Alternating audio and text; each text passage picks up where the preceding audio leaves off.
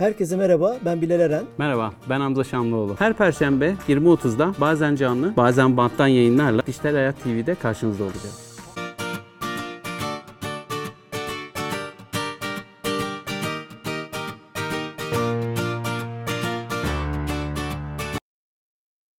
Devam edeyim. Başlıyoruz. Herkese iyi akşamlar, ben Bilal Eren. İyi akşamlar, ben Hamza Şamlıoğlu. Teknoloji, internet ve sosyal medyanın hayatımıza etkilediğini konuştuğumuz, daha geniş anlamda dijitalleşmenin hayatımıza etkilediğini konuştuğumuz dijital kültür programımıza hoş geldiniz. YouTube, Periscope ve Facebook'tan canlı yayındayız. 19. haftadayız Hamza. Evet, 19'u bulduk. Evet, evet istikrarlı bir şekilde yayın yapmaya, konuları gündem yapmaya çalışacağız. Bugün e, bir dosya konu çalışalım istedik. O dosya konu da ilginç bir konu. E, her ürünün kullandığımız hayatımızda kullandığımız her ürünün tabii bizim programımızın kapsamı teknoloji olduğu için daha çok buna konuşacağız. E, yaratılması, oluşturulması, onun yaşamının devam etmesi ve ölümünün de tasarlanması anlamına gelen planlı eskitmeyi konuşacağız. Ama tüketiciler, üreticiler buna daha çok ekonomik yaşam döngüsü veya ürünün yaşam döngüsü olarak nitelendiriyorlar. Ee, ilginç bir konu. Bu konuyu da uzman bir konuğumuzla konuşacağız. Türkiye'de bu konuda planlı eskitme adıyla tek kitabı yazmış olan e, Ankara Hacı Bayram Veli Üniversitesi öğretim üyesi yardımcı doçent doktor Bildan Hilal Akçay hocamızla konuşacağız. O hocamız Ankara'dan canlı yayında Hengatun'da bize bağlanacak ve bütün soruları ona bu işin toplumsal ve psikolojik yönleriyle konuşacağız. Ama program öncesinde her zaman söylediğimiz gibi hediye kitabımız olacak. Bugün iki tane. Bugün iki tane kitabımız var. Biri Fırat'ın kitabı. Evet bir tanesi gelecek hafta. Geçen hafta değil mi yayına e, e, basıma e, basıma bitti ve piyasaya çıktı. Fırat Demirel'in Geleceği Görenler kitabını vereceğiz.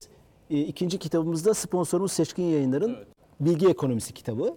Bu iki kitabı e, programın sonunda e, soracağımız soruya YouTube kanalımızda ilk cevap veren iki kişiye iki ayrı soruda kargolayacağız. Bunu da duyurmuş olalım. Bu arada sorularınız olursa hocamıza da yine soruları olacak olan arkadaşlar varsa YouTube canlı yayın kısmından yazabilirler. Onları da ara sıra okumaya çalışacağız. Aynen Mustafa Kemal Bulunti, Tikolik diye bağırmış sana. sana selam söylemiş. Hocamızı yayınımıza alırız. Hocamız hazırsa hocamızı takdim edelim. Hocam Merhabalar. nasılsınız hocam? Hoş geldiniz yayınımıza. Hoş bulduk. Teşekkürler Bilal Bey. Sağ olun. iyiyim. Siz nasılsınız? Sağ olun hocam. Sizi takdim etmeye çalıştım. Umarım doğru takdim etmişimdir. Hacı, Ankara Hacı Bayram Veli Üniversitesi İşletme, Estağfurullah. İşletme Evet. Yönetim ve Organizasyon Bilim Dalı öğretim üyesi, doktor öğretim görevlisi Vildan Hilal Akçay diye e, tanıttım. E, e, umarım bir hata yapmamışımdır. Hata yapsanız da hiç sorun değil. Hoş geldiniz hocam. E, Hamza Hamza da Çok selam söylüyor teşekkürler. hocam. Hoş bulduk Hamza Bey. Evet e, hocam e, bu hafta planlı eskitmeyi de konuşmuştuk yayın öncesinde. E, e, bunu konuşacağız. Şöyle başlayabiliriz. Bir açılış yaptık. E, ilginç bir konu. Tabii siz bu işin daha çok toplumsal ve psikolojik yönleriyle de ilgilendiniz. Bir araştırma yaptınız. Çok merakla onu da bekliyoruz. Bu, bu planlı eskitme nedir hocam? E, bununla başlayalım mı?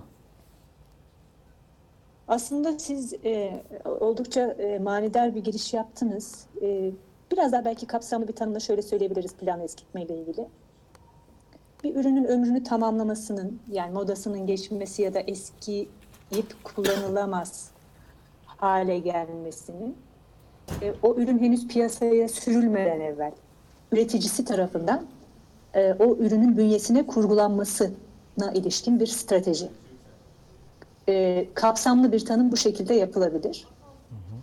E, tabii ki bu strateji müşteride ihtiyaç oluşturmak amacıyla gerçekleştiriliyor. E, bu ihtiyaç e, mevcut ürünün yenisi piyasaya sürüldüğünde e, mevcut ürünü saf dışı bırakmasına yönelik bir ihtiyaç. Evet hocam.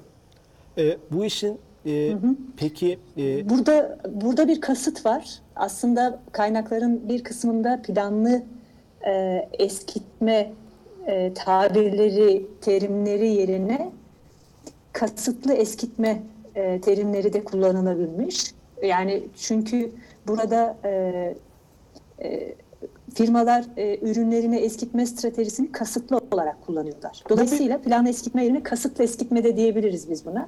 Bu bir strateji yani. Firmalar aslında bunu Aynen e, öyle. ürünlerini geliştirirken de bunu düşünerek üretiyorlar. Her anlamda, her seviyesinde. Öyle anlıyorum. Hocam internet kaynaklarına baktığımız zaman da kimi insanlar, kimi yorumcular diyeyim daha doğrusu. internette öyle çok fazla gerçek belgeye ulaşamıyoruz maalesef. Kimi yorumcular buna bir komple teorisi demiş. Kimi e, yorumcular bunu bilerek ve isteyerek kasıtlı yaptıklarını söylemiş. Bazılarında da şöyle yorumlar görüyorum. Buna ihtiyacımız var. Yani e, şöyle bir e, algı oluşturulmaya çalışılmış bazı yerlerde de doğru veya yanlış tam bilemiyorum. Onu net olarak sizden öğrenmek isteriz. E, bir ürünü eğer ki sapasağlam yaparsan o ürünün ikincisini, üçüncüsünü satamazsın. Doğal olarak e, üretim durur, e, ekonomiye etkisi çok büyük olur. E, devletlerin de ekonomiye ihtiyacı vardır ayakta kalmak için. E, yani bu bakımdan baktığımız zaman bize ilk başta çünkü insanlara planlı eskitme dediğimiz zaman akılda hep böyle kötü markaların bizim cebimizdeki e, paraya e, işte göz koydukları için alması gibi bir algı oluşuyor. Bu e, olması gerekli midir, değil midir? Bunun tarihi süreci nedir? Ne, ne- ne- neden çıkmıştır karşımıza? Evet tam da aslında çok güzel şeyle başlayalım. Hani bir tarifini yaptık. Bu işin nasıl ortaya çıktığı belki bu soruların cevabını da bize ortaya çıkaracak. E, dilerseniz e, ne zaman or- yani kavramsal olarak değil de uygulamada ne zaman e, ortaya çıktığından başlayalım. Yani kavramsal olarak zaten o 1930'lu yıllara dayanıyor. Kavram planlı eskitme kavramı e, dünya çapında e, özellikle Amerika'da yayılan bir kavram. Fakat uygulamada çok daha eski. Yani 20. yüzyılın başlarına kadar götürebiliriz tarihini uygulamada. Şimdi planlı eskitme e, stratejilerinden, e, yöntemlerinden biri e, teknolojik eskitme. Yani mevcut teknolojiyi biraz daha geliştirerek yeni teknolojiyle üretilmiş ürünler eski teknolojiyle üretilmiş ürünleri saf dışı bırakıyor böylece. Teknolojik eskitme yöntemi de planlı eskitmede ilk e, karşımıza çıkan yöntem. 1913 yılında o Ford ve General Motors arasında yoğun rekabet yaşandığı dönemde e, elektrikli marş motorunun icat edilmesiyle ortaya çıkmış e, bir eskitme türü, teknolojik eskitme. Bu elektrikli marş motoru icat edildiğinde eski e, üretilen otomobillerin tabiri ramiyaneyle ta, e, pabucu damla atılıyor. E, hatta kadınlar açısından kullanmakta zorlandıkları için yeni teknolojiyle üretilen e, otomobiller daha e, popüler hale geliyor diyebiliriz. Bu tabii teknolojik eskitme konusunda verebileceğimiz örnek. İlk e, planlı eskitme örneği bu diyebiliriz yani kaynaklara baktığımız zaman. Fakat bunun yanı sıra çok e, bilinen bir vaka daha var. E, bundan yaklaşık 10 yıl sonra ortaya çıkmış e, ampul vakası. Belki e, bilenler bu konuya merak salanlar olabilir. Ampul ömrünün kısaltılmasına dair e, dünyanın önde gelen ampul üreticileri bir araya geliyor firmalar ve Fobius adıyla anılan bir kartel oluşturuyorlar. Ampulün ömrünü kısaltıyorlar. Ee, E, bunun, 1924 yılında gerçekleşiyor bu hadise. bunun kayıtlarına da ulaşabilirler değil mi hocam? Çünkü bu bir gerçek, ortaya çıkmış, ispatlanmış bir durumdur. Hatta bu bir gerçek. Hatta bunun e, kanıtlanması da şu şekilde, kanıtı da şu şekilde ortaya konuluyor. 1901 yılından bu yana Amerika'nın Kaliforniya eyaletinde bir itfaiye binasında yanmakta olan bir aralıksız yanmakta olan bir ampul var. Hatta bin- 2001 yılında bunun 100 yaşı kutlandı. Yani bir doğum günü yaptılar ampul için. E, komik ama gerçek. E, o günden bu yana yanmakta olan bir ampul var. Bu bir gerçek. Eğer e, bu kartel olmasaydı ve bu karar alınmasaydı e, kullanmakta olduğumuz ampullerin ömrü çok çok daha uzun olacaktı. Bu tabii ki e, yani ben e, internetten araştırma yaparak elde ettiğim bilgiler değil bunlar. E, bu, e, kaynaklara dayandırılarak e, sunduğumuz bilgiler bunlar. Bu kartel bir dernek mi hocam? Bir vakıf Ee, mı? Ne? Buradaki nasıl bir kartel bu? Ya, ya şey yapısı nedir Bu bunun tüzel kişiliği? Lobi yani dü- dünyaca e, önde gelen ampul üretici firmalarının birleşerek oluşturdukları e, bir birlik, işletme birliği diyebiliriz. Yasal bir şey yani bu. Yok, illegal diye biliyorum ben. Hatta şöyle biliyorum. İlk Gizli. ampulü, ilk ampulü yaptıkları zaman e, 10 bin saat ömürlü yapıyorlar. Daha sonra e, rakip firma çıkıyor. e, 25 bin saate çıkartıyor. Reklamlarda kullanıyor. E, ondan sonra e, başka bir rakip çıkmak yerine birkaç firma birleşiyorlar. 3-5 o zamanlar çok fazla yok. E, kendi aralarında bir gizli bir grup kuruyorlar. Zaten e, işin şey tarafı bu, pis tarafı bu.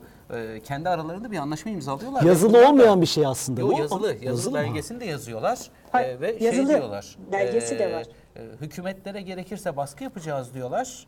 Kimseye bin saatten fazla, Fazla giden ampul aynen. ürettirmeyeceğiz. İki yıl içerisinde 1500 saate düşürüyorlar. İki yıl daha devam ediyor. Dördüncü yılın sonunda 1000 saate kadar indiriyorlar. Ve bunun belgeleri de e, açıklanmış Peki durumda hocam siz araştırmanızda gördünüz mü? Sadece ampulcüler değil o zaman. Otomobil şirketleri de belki böyle bir şey kurmuştur. Telefon şirketleri de kurmuştur. Ee, işte Evet. moda sektöründeki diğer oyuncular da kurmuştur belki. Bu bayağı Illuminati bu arada. Açıkçası araştırmamın bundan sonraki boyutu işletmeler, işletme ayağı olacak. Yani ben şimdi toplum, e, bu planlı eskitme mekanizmasını şöyle düşünelim. İki ayaklı bir me- mekanizma. Bu mekanizmayı ayakta tutan taraflardan bir, biri üretici şirketler, biri toplum yani tüketiciler.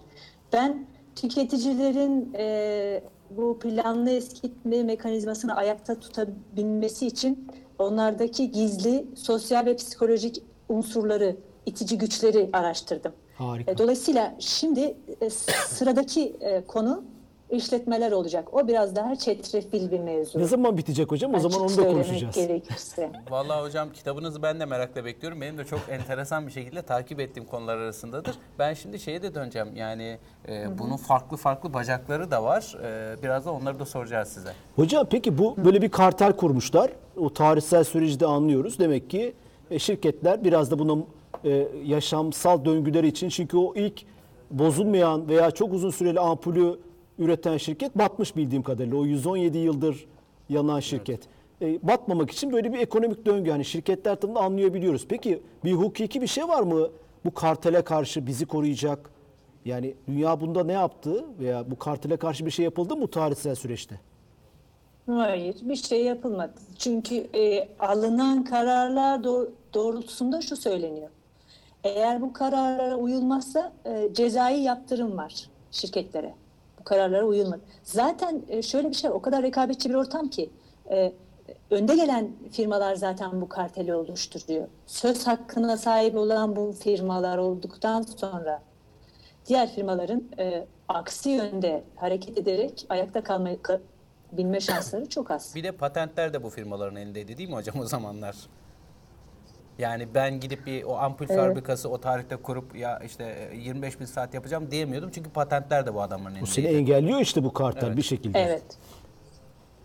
Peki Evet, hocam buna engelliyor gerçekten de maalesef. e, ihtiyacı var mı firmaların? E, bir de devletler gözüyle ben size soracağım. Devletlerin buna ihtiyacı var mı gerçekten de? Çünkü e, toplumu giderek tüketim toplumu haline getiriyor. E, bir noktadan sonra artık çöplükler oluşmaya başlıyor. Siz de iyi bilirsiniz Güney Afrika'nın bir bölümüne e, ikinci el ürün adı adıyla teknolojik ürünleri çöplüğü haline getirdiler. E, yarın öbürsü gün bizim çocuklarımız bizden bunun hesabını soracak. Ben öyle tahmin ediyorum. Çünkü dünyayı resmen e, iyice işin içinden çıkılmaz ve yaşanılmaz bir hale getiriyoruz. Bundan belki 50 sene sonra belki 20 sene sonra daha büyük sorunlar ortaya çıkacak. Buna devletlerin e, gerçekten de ihtiyacı var mı hocam? Ya bu kadim bir problem aslında. Yani e, e, gelişmesinde ön ayak olduğu bir problem diyebiliriz buna. Yani kendi fiziksel sınırları e, dışında e, dünyada bir atık alanı meydana getiriyorlar ve e, gelişmiş ülkeler buna ön ayak oluyor. Endüstriyel alanda gelişmiş olan ülkeler buna ön ayak oluyor ve bunun bumerang gibi dönüp dolaşıp kendilerini vuracağını düşünmeden bunu gerçekleştiriyorlar. Ben ancak bu sonuca varabiliyorum. Yani e, bir döngü var, bir kısır döngü var. E, bakın bugün Gana, üçüncü dünya ülkesi olarak tabir edilen Gana, elektronik çöp yağmasına e, maruz kalmış durumda. Ya atık yığını haline gelmiş. Orada belgeseller çekiliyor. E, mevcut durumu görmenizi sağlayan. E, bunlar nasıl yapılıyor? Normalde uluslararası hukuk gereği elektronik atık gönderimi 3. dünya ülkelerine yasak. Fakat baktığımız zaman bunun da kılıfı bulunmuş durumda. bu atıkları ikinci el ürün olarak göstererek bu yaftayla gönderiyorlar. Yani çalışan Ee, burada- ikinci el elimden çıkartmak istediğim ürün olarak gönderiyorum. Halbuki arka planda çöp gönderiyorum. Doğru mu anladım hocam?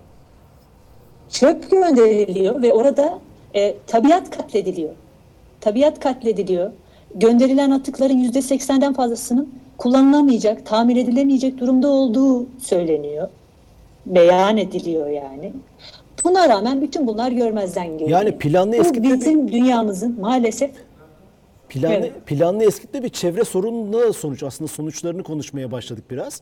Değil mi? Bir çevre sorunu evet, çıkarıyor ortaya. çevre, Ee, bir de hocam şeyi söyleyeceğim. çevresel atık gibi muazzam bir etkisi var evet. Ee, 1940'lardan sonra e, planlı eskitmenin kötü olduğunu değil de biraz daha algısını oluşturup insanların buna ihtiyacı olduğunu gösterelim şeklinde çalışmalar yapılıyor. Ee, biraz da bu tarafını soracağım işin.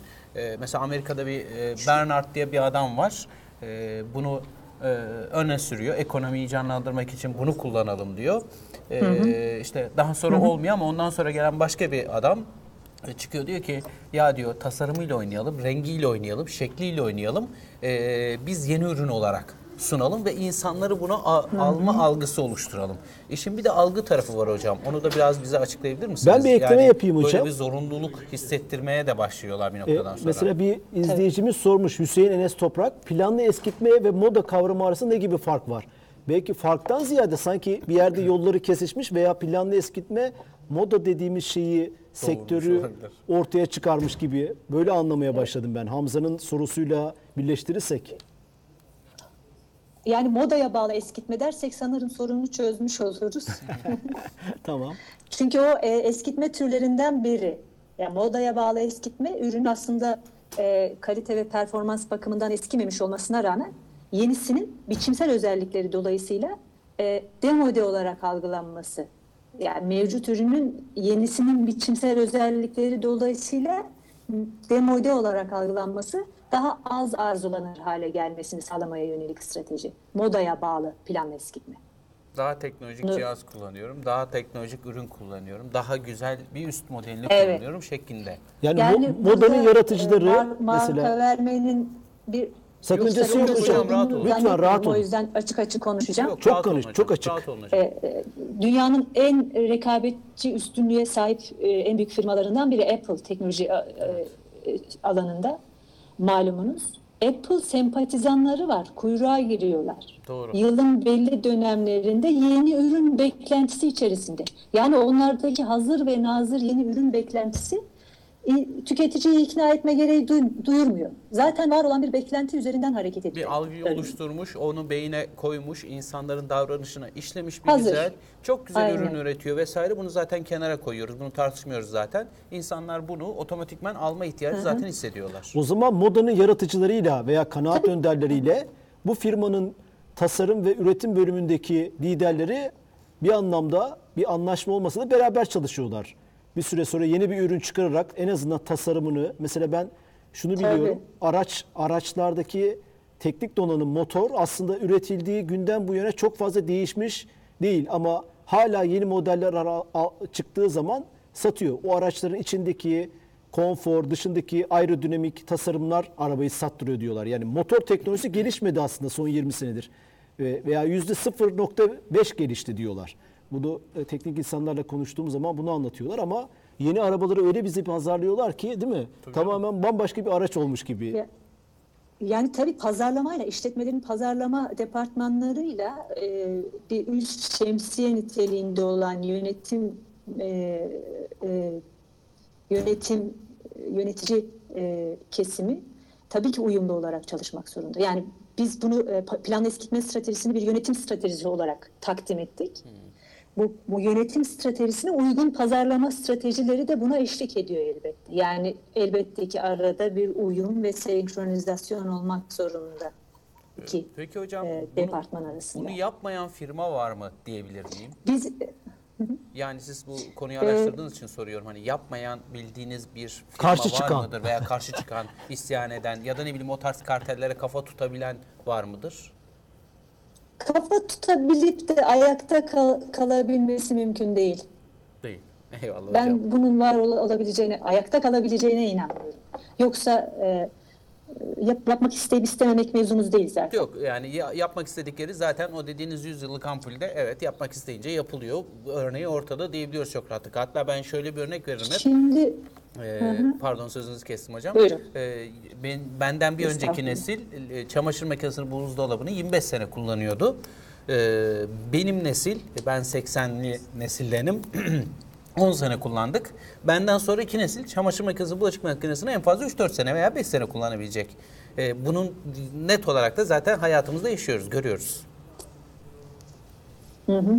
Ya bunun ardında bir, takım psikolojik faktörler var. Yani sosyal faktörler var. Onlara geleceğiz fakat şu e, şeye değinmek istiyorum. Ee, e, bu bir e, ekonomik gereklilik mi dediniz? Evet, o ben çok merak e, ettiğim taraf gereklilik oydu. mi değil mi sorgulamasını yapmak lazım.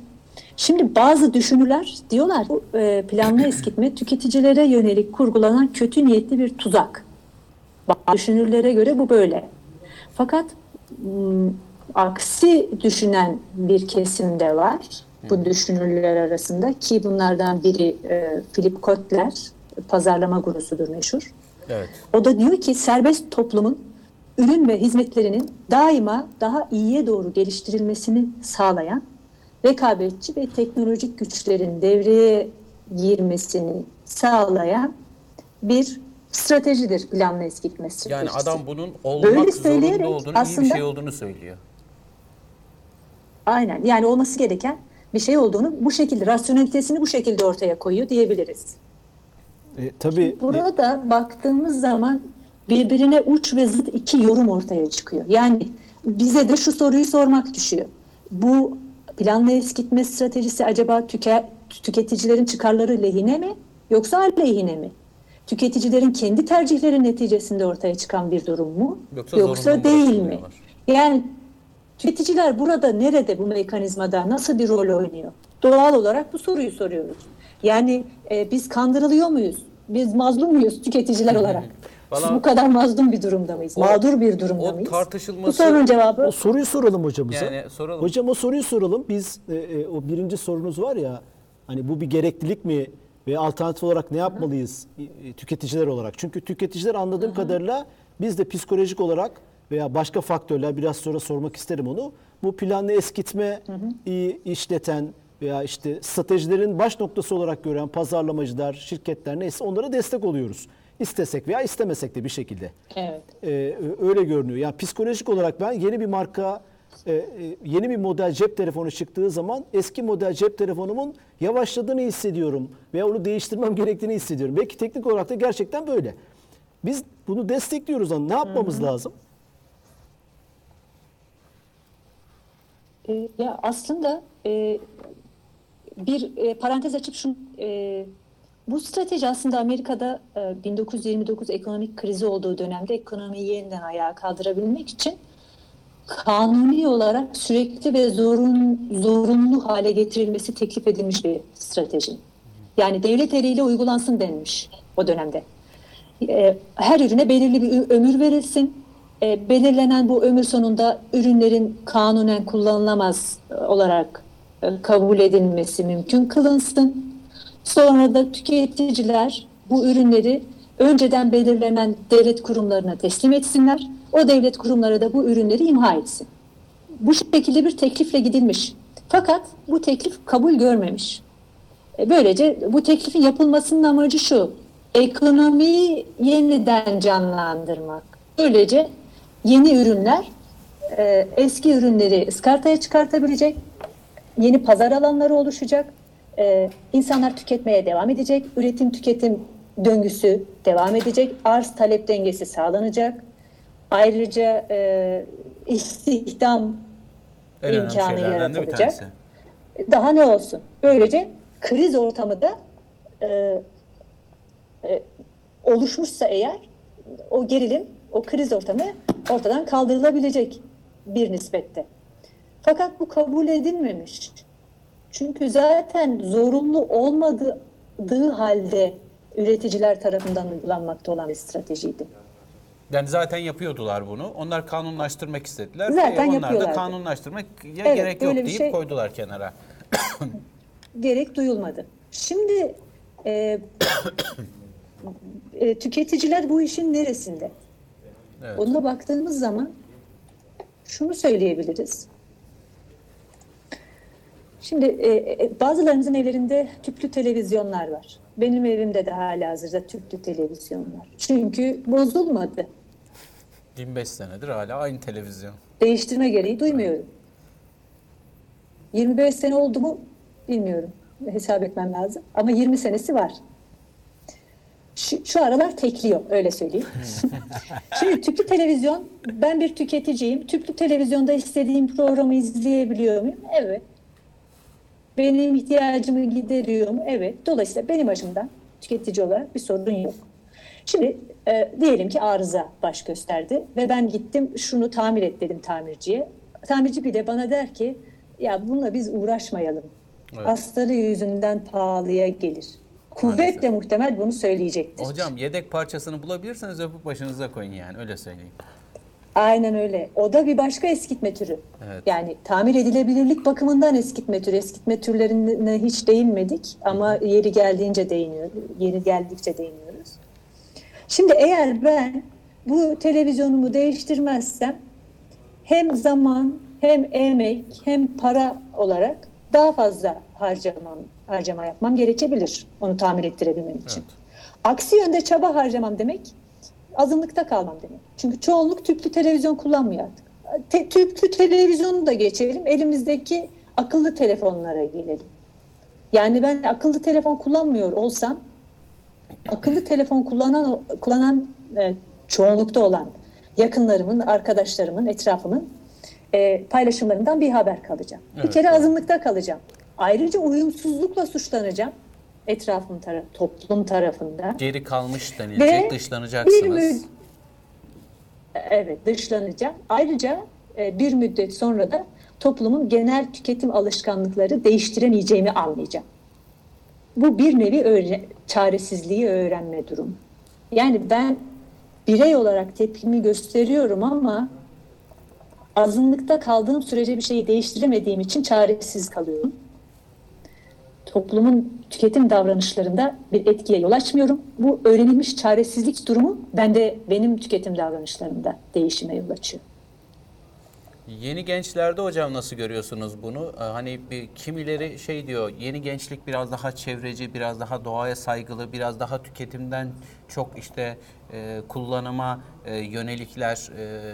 E, dünyada böyle bir trend yükselişte. Yeni gençlikten bir umudunuz var mı bu konuda hocam? Ee, Buna olumlu cevap vermeyi çok isterdim.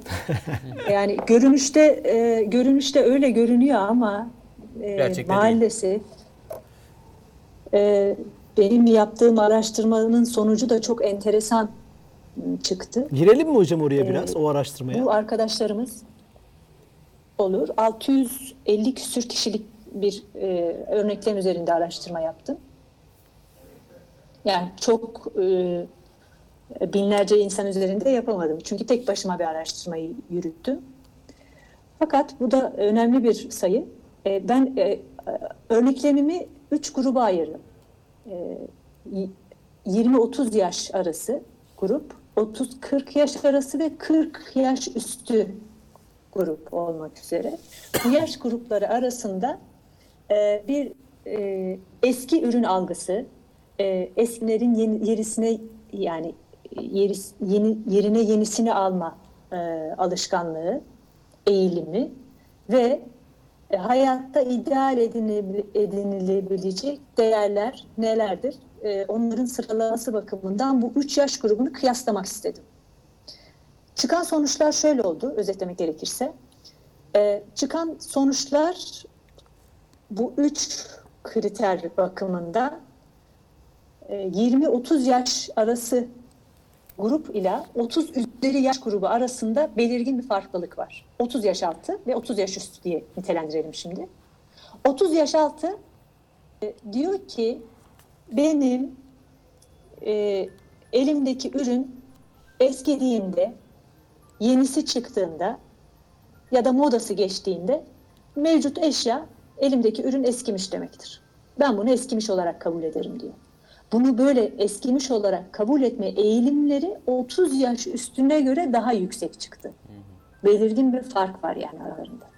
Ayrıca e, bu 30 yaşın altındaki de e, eğer maddi olanağım olsaydı elimdeki ürün arızalandığında tamiriyle falan uğraşmam yerine yenisini alırım diyenler daha çoğunlukta çıktı.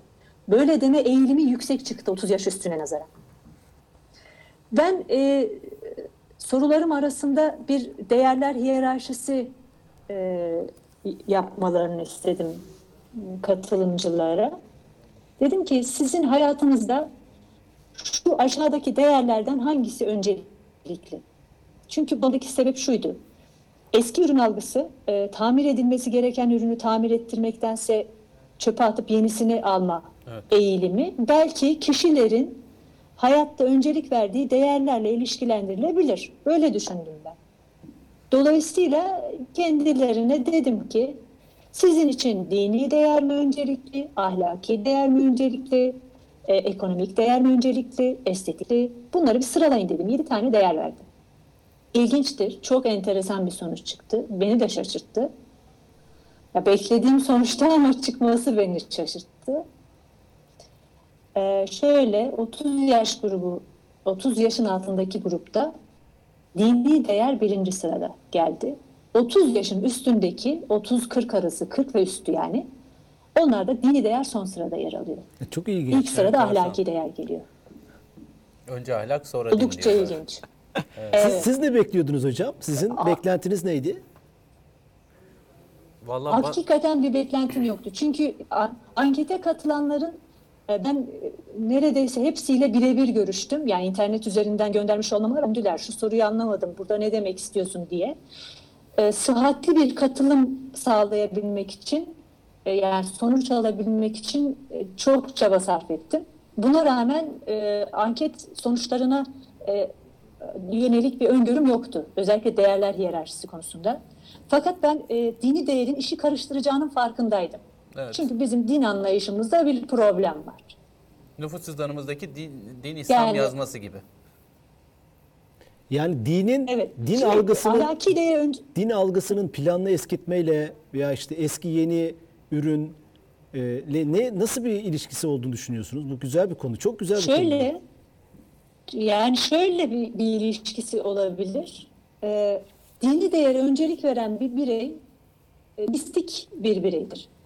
E, bunu bu mistisizmin boyutu öyle bir ki hayattan elini eteğini çekme derecesine kadar varabilir. Evet. Yani dünyayı öncelemez. Aynen. Fakat bu, bu kötü şey değil. Ee, çünkü öteki dünyayı önceliyor. Öteki dünyaya gidiş e, aşamasında buradan geçmesi lazım mantıken.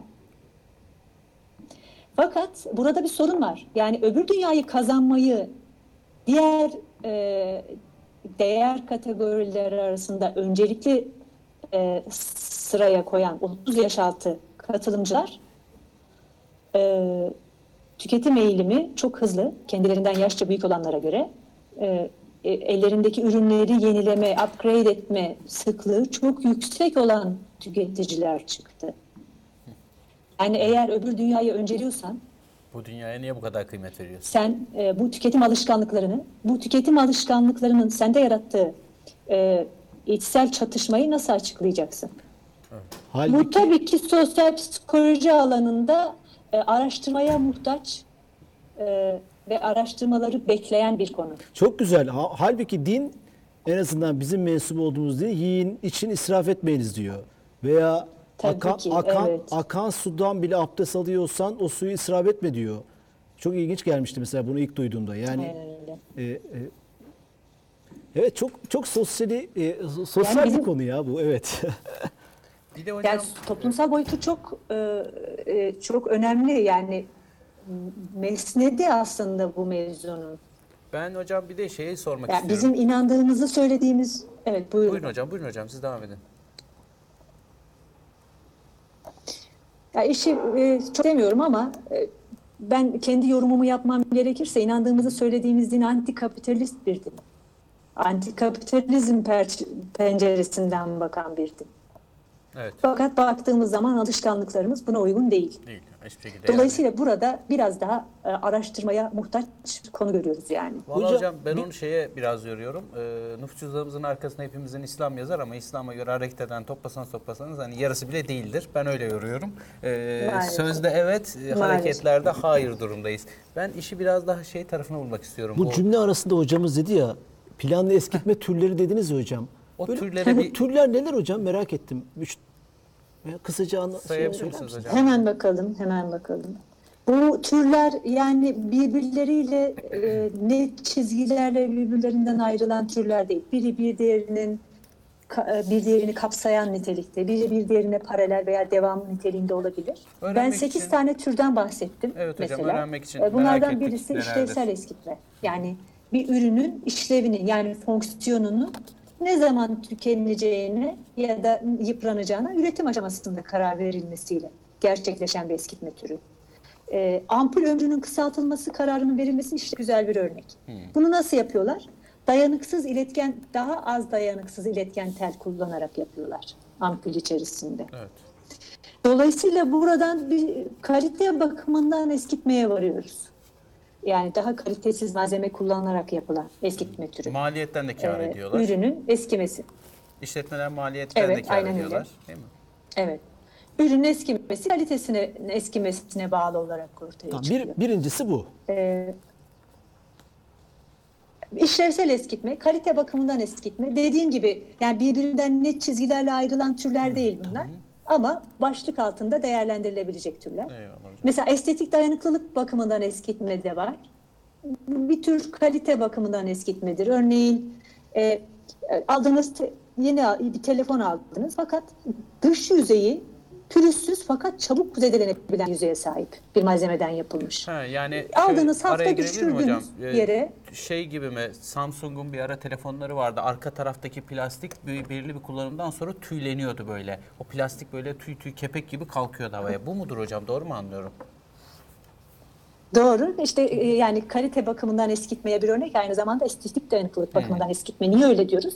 Çünkü eğer e, estetik e, öncelikleri olan bir bireyse onu, onun kullanıcısı telefon eskimedi, işlev, işlevsel olarak eskimedi en azından. Yani fonksiyonu devam ediyor. Fakat e, işlevini yitirmese bile bu estetik açıdan tatminsizliğe yol açtığı için elden çıkarabiliyor. Böylece eskimiş oluyor telefon yani. Doğru. E, Bir diğer eskitme türü de çok önemli bu. Tamir edilebilirlik bakımından eskitme. Az evvel bir e, konusu geçti. Evet. Ürün tamir edilebilirlik düzeyi tasarım aşamasında kısıtlanıyorsa tamir edilebilirlik bakımından eskitmeye maruz kalmış demektir. Bunun tabii bir takım yöntemleri var. Mesela e, yedek parça ulaşılabilirliği kısıtlanabilir üretim aşamasında. Yedek parça fiyatı yüksek olabilir. Ee, kısa bir süre kullanıldıktan sonra arızalanacak olan parça sayısı artırılabilir. O kadar bir parça arızalanınca diğerleri de ondan etkilenerek e, arızalanabilir.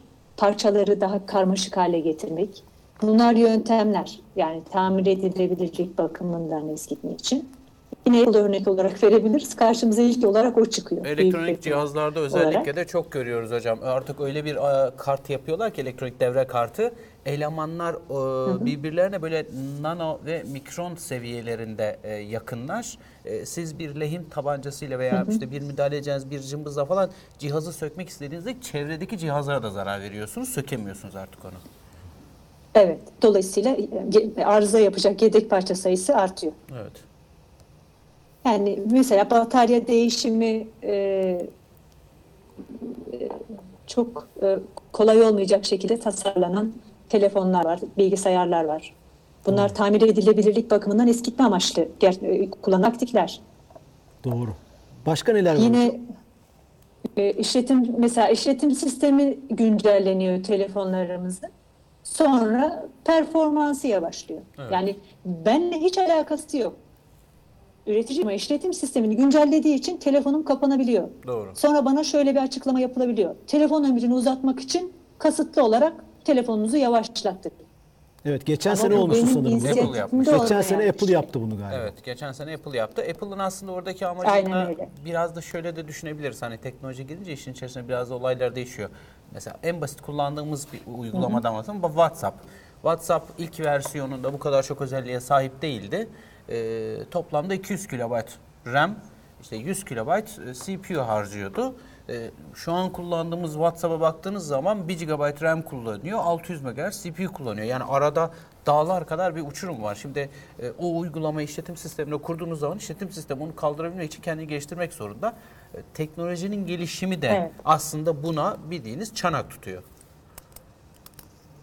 Aynen öyle. Yani o kadar birbiriyle bağlı ki bir şey diyemiyoruz. O yüzden net olarak ayırmak mümkün değil bu eski. Fakat ben tüketici olarak neticeye bakıyorum. Elimdeki telefonu e, en iyi şekilde kullanıyorum eskitmeden. Çok titiz bir şekilde kullanıyorum ama bir bakıyorum ki yavaşlamış. Evet. Ve bunu Yapacak şey yapan da bunu yapan da üretici. Sen bilerek ve var isteyerek. mesela. Evet. Yani bir ürüne e, ait sisteme yeni işlevler işlevler kazandırarak gerçekleştirilen bir eskitme türü sistemli eskitme.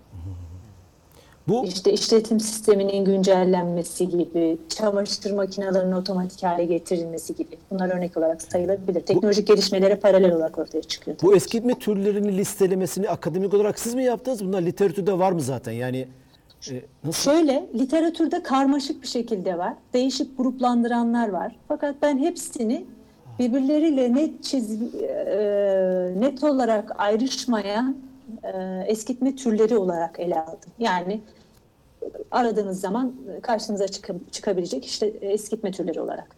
Dinleyicilerimiz bakımından soruyoruz. Yine bu türlere falan ulaşmak, e, okumak isterlerse kitabınızda yer vereceksiniz herhalde değil mi hocam? Yer verdi zaten Yer- hocam yer bizde. verdiniz İlk zaten. kitabınızda var değil mi hocam bunlar?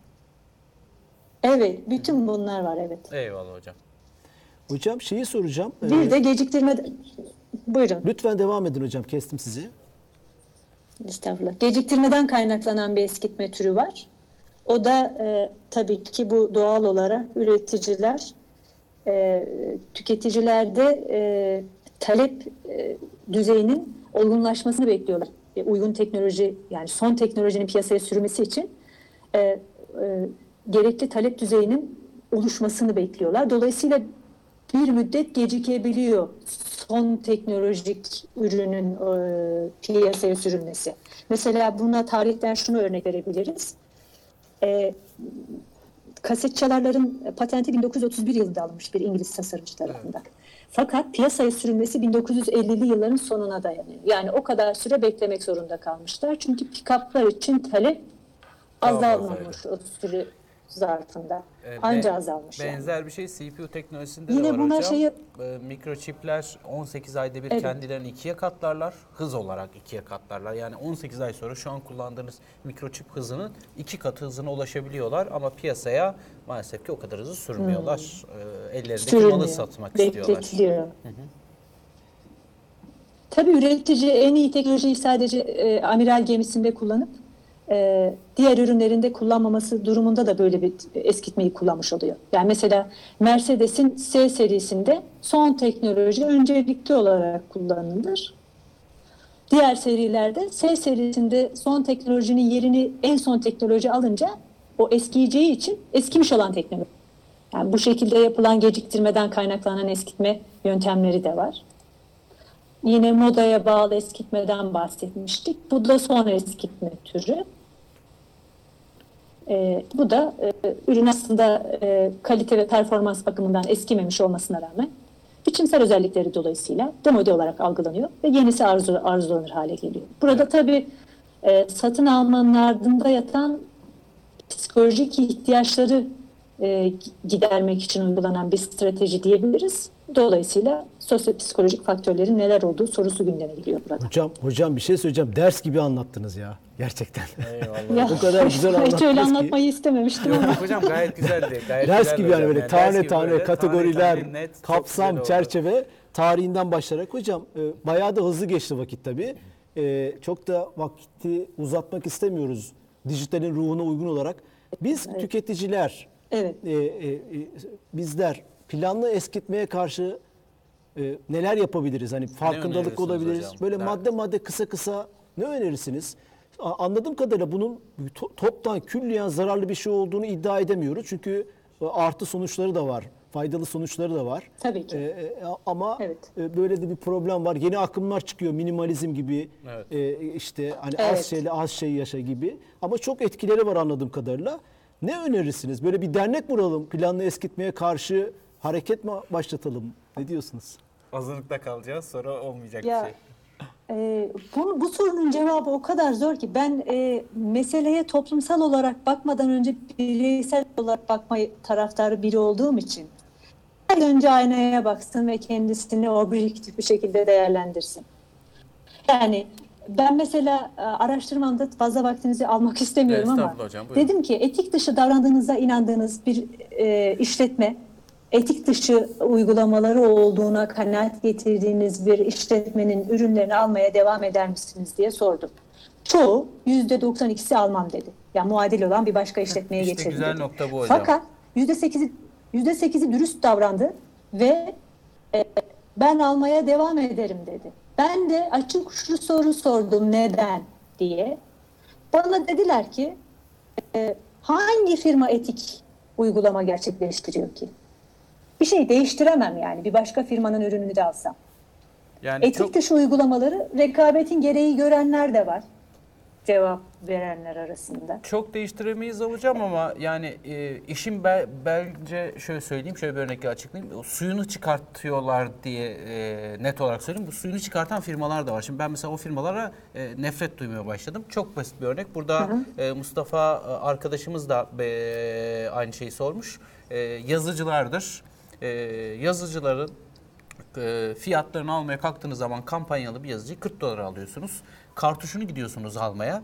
Üzerindeki kartuşlar da test kartuşudur. %30 doludur. Fazla da dolu vermezler. 60 euro para istiyor sizden. Yani yazıcıdan pahalı kartuşu var. Eyvallah. Kartuşu Evet. bir takıyorsunuz.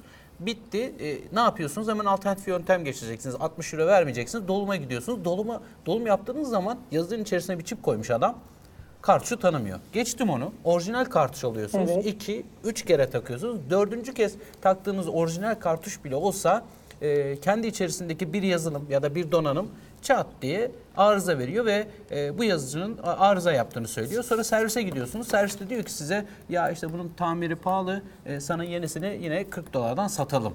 E, yani işin suyunu da çıkartan firmalar var. Bunları e, ifşa etsek, bunları işte insanlığa anlatabilsek bilmiyorum yani hani e, tamamen e, şey yapıyorum, e, uyduruyorum.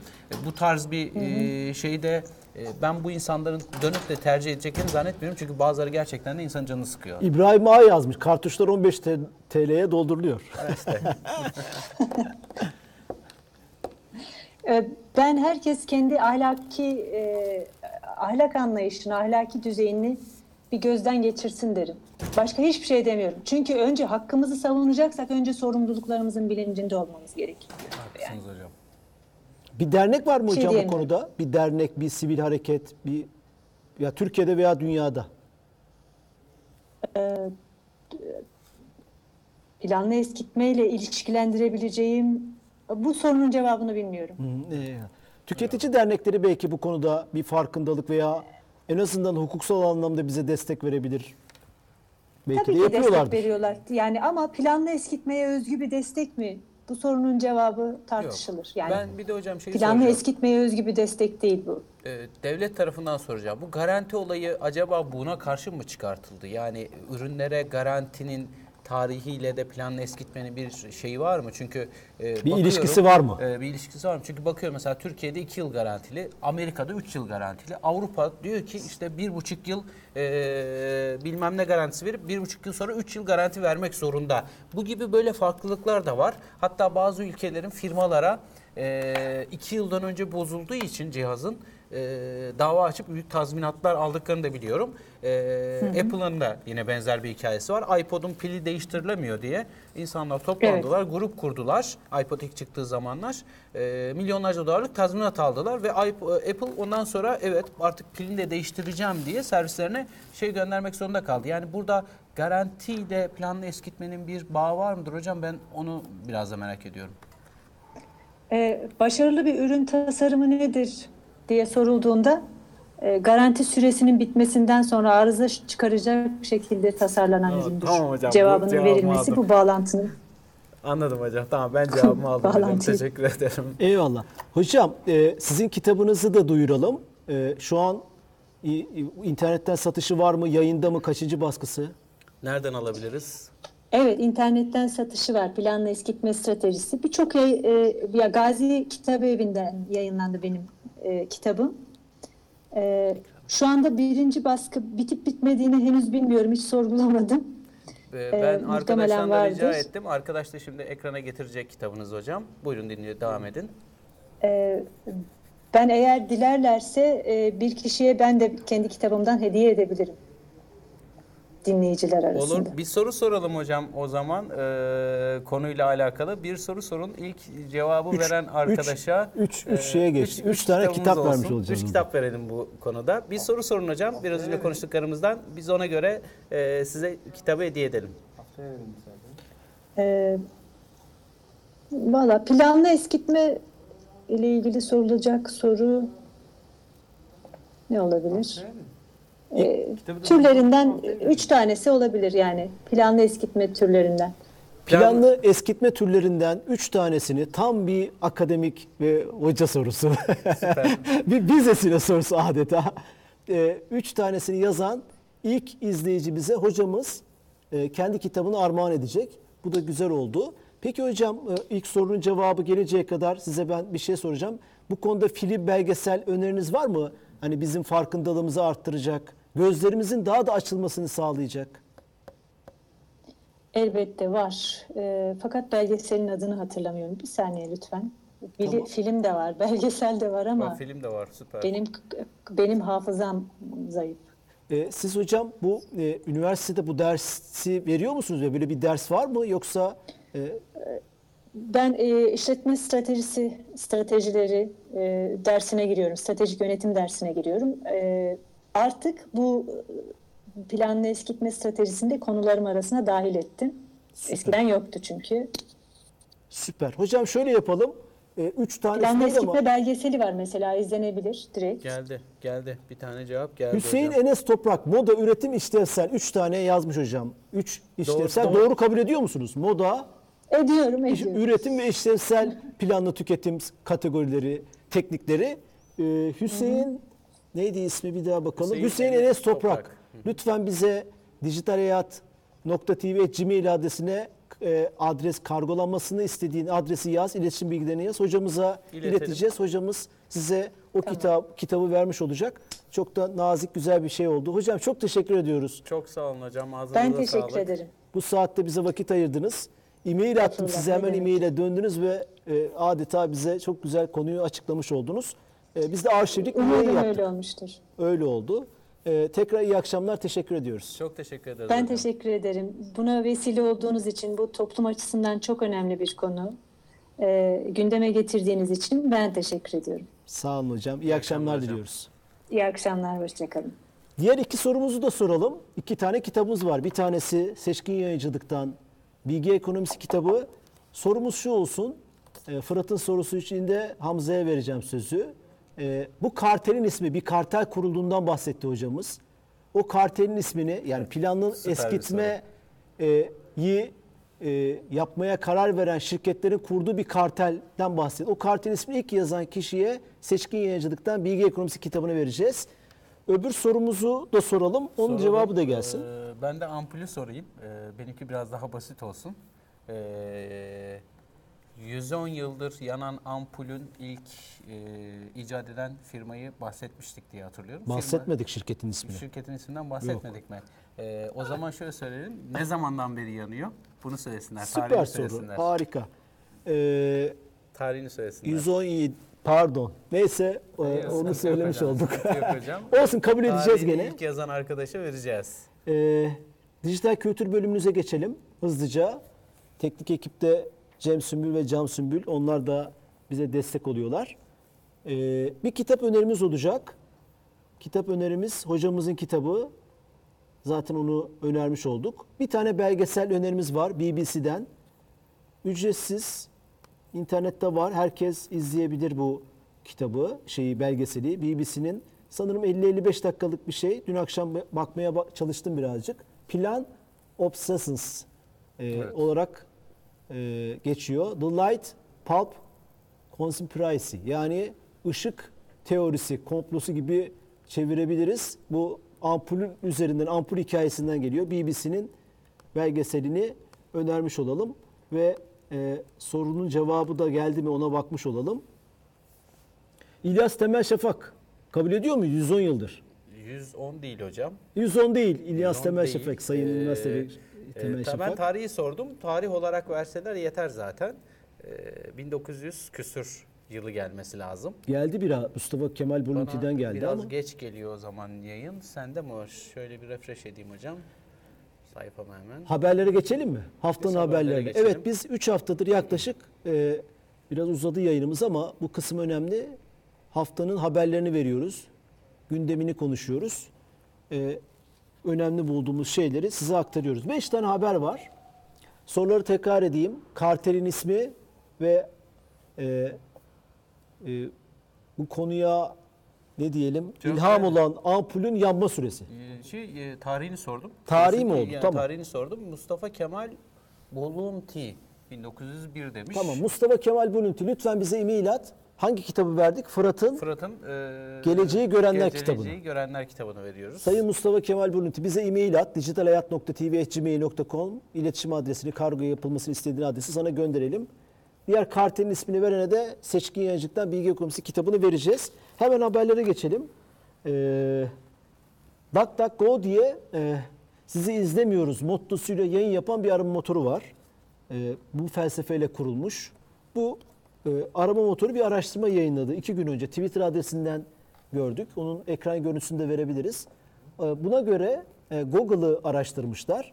Ve Google'ın gizli modda bile biliyorsunuz Google'ın bir genel arama modu bir de gizli mod arama modu, var. O modda aramalarınızı reklamlar için verilerinizi, arama sonuçlarınızı toplamıyoruz ve kişiselleştirip size renkler vermiyoruz diyor. Onu ilan ediyor. O gizli modda bile Google'ı kullandığınızda arama motorunu e, DuckDuckGo'ya göre e, o bilgileri topluyor. Filter bubbling dediğimiz hatta görüntüsü de geliyor. 87 kişiyle bir arama yapmışlar ve kişiselleştirilmiş arama sonuçlarının aynı şekilde o algoritmanın gizli modda da çalıştığını böyle bir Görmüşler. araştırma yapmış. Twitter'dan da ulaşabilirsiniz. Yani Google bizi gizli modda da izliyor.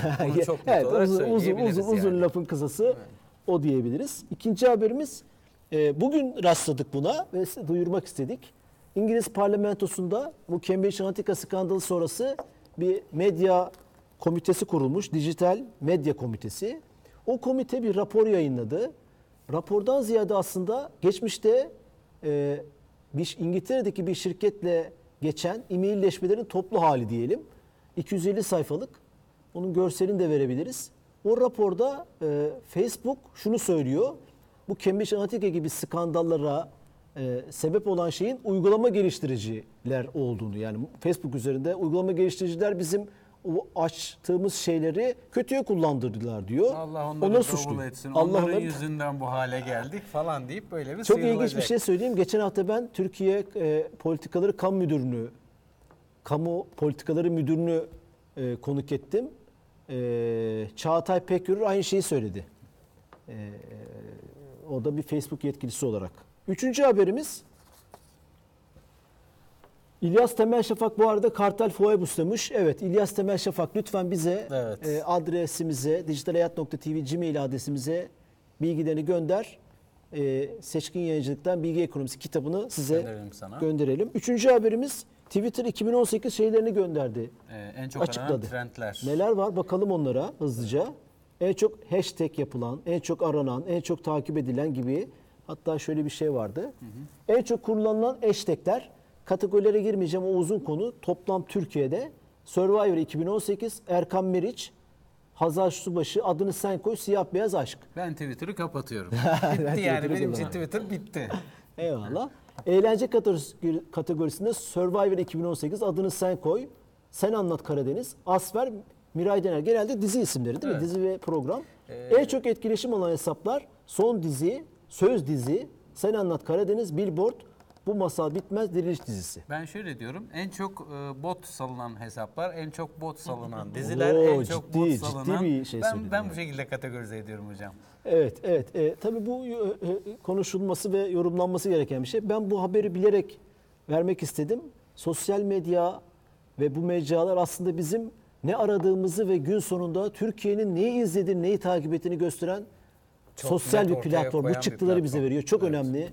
E, belki bunu da ilerleyen zamanda daha detaylı konuşuruz. Dördüncü haberimiz de e, benim Twitter'da rastladığım ve üstüne gittiğim bir olay.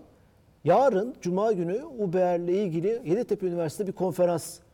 Uber ve hukuki pencereden Uber'in milletler arası hukuktaki yeri gibi, yeri başlığında hukuki bir üç tane hukuk akademisyeninin katılacağı bir konferans.